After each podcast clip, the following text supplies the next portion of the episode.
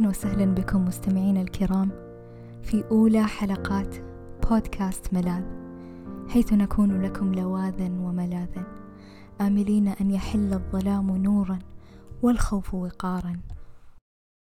ما أول ما يتبادر إلى ذهنك عندما تسمع مصطلح صدمات الطفولة جروح تغطي أنحاء الجسد صراخ يعم أرجاء البيت جسد صغير هزيل في زاوية الغرفة على صوت نشيجه حتى أوشكت أن تتصدع من صداه الجدران. هذا المشهد النمطي في أذهاننا والذي لا يزال حاضرا حتى يومنا هذا رغم تغير المكان وحداثة الزمان. إلا أن مبرريه ما زالوا ثابتين على موقفهم رافعين شعار يا من ضربنا وحنا صغار وما صار فينا شيء. متجاهلين حقيقة أن الكدمات تشفى والجروح تبرأ ولكن يبقى ما تتركه من آثار وندوب تنخر في النفس وتثقل الفؤاد ويستمر أثرها حاضرا طيلة الوقت كالفيل في الغرفة الذي نكون على رؤيته قادرين وبوجوده منكرين. لكن الأمر الذي قد يغيب عن بال الكثيرين هو أنه ليس بالضرورة أن تكون ضحية عنف أسري أو تحرش جنسي أو حادثة فقدان حتى تعاني من صدمات الطفولة. صدمات الطفولة مصطلح واسع جدا وهو يشمل هذه المعاني ومعاني أخرى قد لا تخطر على بالنا مثل أن يسخر منك أبوك ويخليك أضحوكة المجلس أو أن تسألك أمك ليش ما تصيرين مثل بنت فلانة؟ فتنشأ بشخصية مهزوزة تخاف تدخل المجالس أو تقارن نفسها بكل من هب ودب دون وعي. وهذا لأن الأطفال بطبيعتهم يعتبرون أن كل ما يحصل لهم هو نتيجة خطأ وعيب فيهم. إذا ما هي صدمات الطفولة تحديدا؟ وما هي أسبابها وآثارها؟ صدمات الطفولة هي التجارب السلبية والمواقف الصعبة اللي يواجهها الأطفال أثناء نموهم وقبل تطور قدراتهم على التأقلم. وهذه الأحداث تشمل إهمال الوالدين التنمر الطلاق العنف والاعتداء بأنواعه العاطفي والجسدي والجنسي. يعني بتعريف بسيط نقدر نقول أن صدمات الطفولة ما هي إلا العواقب النفسية الوخيمة لأحداث طفولة أليمة. لأن هذه الأحداث بطبيعة الحال لا تمر مرور الكرام. فحين يتعرض الأطفال لأحد هذه المواقف تفرز أجسادهم هرمونات التوتر بشكل مفرط لدرجة قد تعطل نمو أدمغتهم بشكل طبيعي مما يؤدي إلى اختلال نموهم العاطفي وصحتهم العقلية والجسدية. وكل هذه الآثار تمتد حتى مرحلة البلوغ وتشكل شخصياتنا وسلوكياتنا المختلفة. ومن الأمثلة اللي توضح تأثير صدمات الطفولة هو ما حصل لأيتام رومانيا في عقد الستينات عندما قرر زعيمها أن يحول دولته إلى قوة اقتصادية عظمى وأصدر قرارات لزيادة التعداد السكاني. الأمر الذي أدى إلى إرسال نصف مليون طفل إلى دور الأيتام بسبب أن عائلاتهم كانت غير قادرة على رعايتهم وتحمل نفقتهم. وغالب دور الأيتام كانت فقيرة في المصادر ولا تحتوي على ألعاب أو كتب أو أي شيء في إمكانه يحفز التطور المعرفي لدى الأطفال وكانوا يقضون غالب وقتهم يحدقون في السقف. وهذا الإهمال أدى إلى نتائج ضارة على جوانب كثير في حياة الأطفال ومن ضمنها الجانب المعرفي حيث سبب انخفاض في مستويات ذكائهم وتأخر في تطور اللغة والنطق. وغالب العاملين في دور الأيتام آنذاك كانوا غير مؤهلين للعناية بالأطفال وكانوا نادرا ما يقضون أي وقت معهم ولم يكونوا مهتمين بالتخفيف عنهم أو التهدئة من روعهم. وبالتالي اضطر غالبية الأطفال أنهم يواجهون مخاوفهم واللي كانت أكبر منهم وحيدين. وبسبب هذا الإهمال العاطفي نتج عند الأطفال صورة مشوهة عن العلاقات وتعلموا ألا يثقوا بأحد بتاتا وكبالغين كانوا غالبا ما يعانون من الاكتئاب والأرق والرهاب الاجتماعي.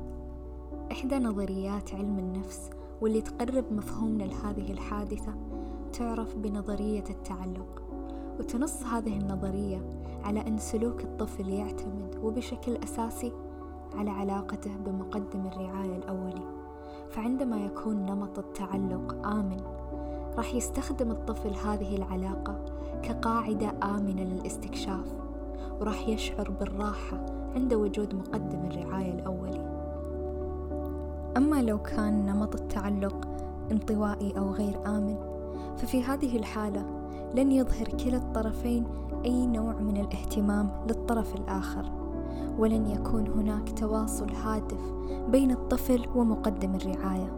وهذا الشيء راح يتسبب في انخفاض مستوى احترام وتقدير الذات عند الطفل.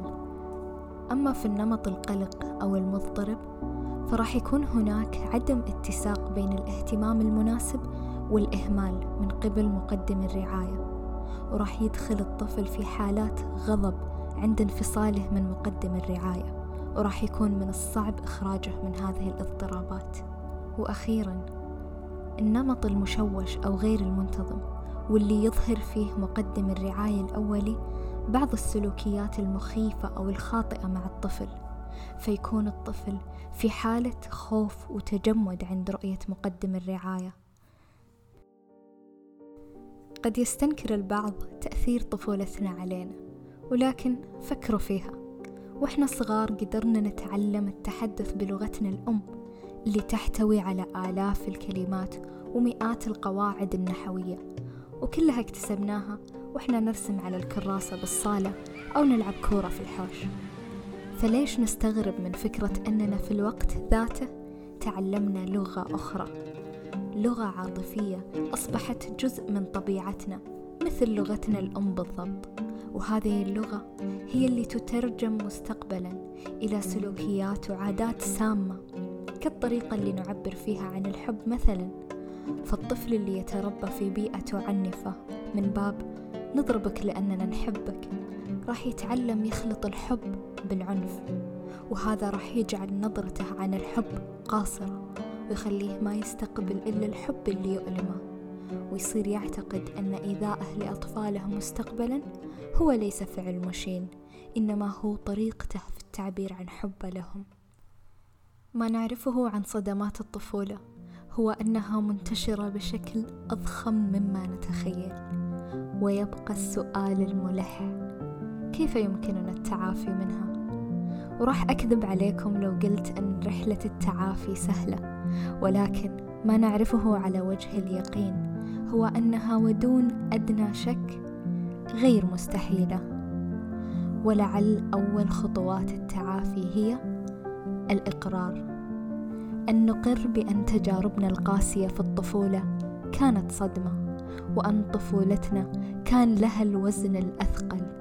والأثر الأكبر على شخصياتنا وسلوكياتنا اليوم ولأن غالب اللي عاشوا طفولة صادمة يشعرون بالوحدة والعزلة من المهم ألا تتحرج من طلب المساعدة وأن تخلق لنفسك نظام دعم من أحبائك اللي تقدر تعتمد عليهم في فهمك والتعاطف معك.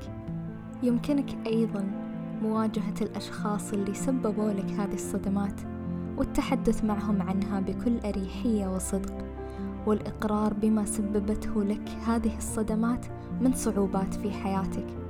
وحتى إن لم تستطع الوصول للأشخاص يمكنك التنفيس عن نفسك عن طريق كتابة ما تريد قوله في ورقة وإخراج كل ما بداخلك من هموم.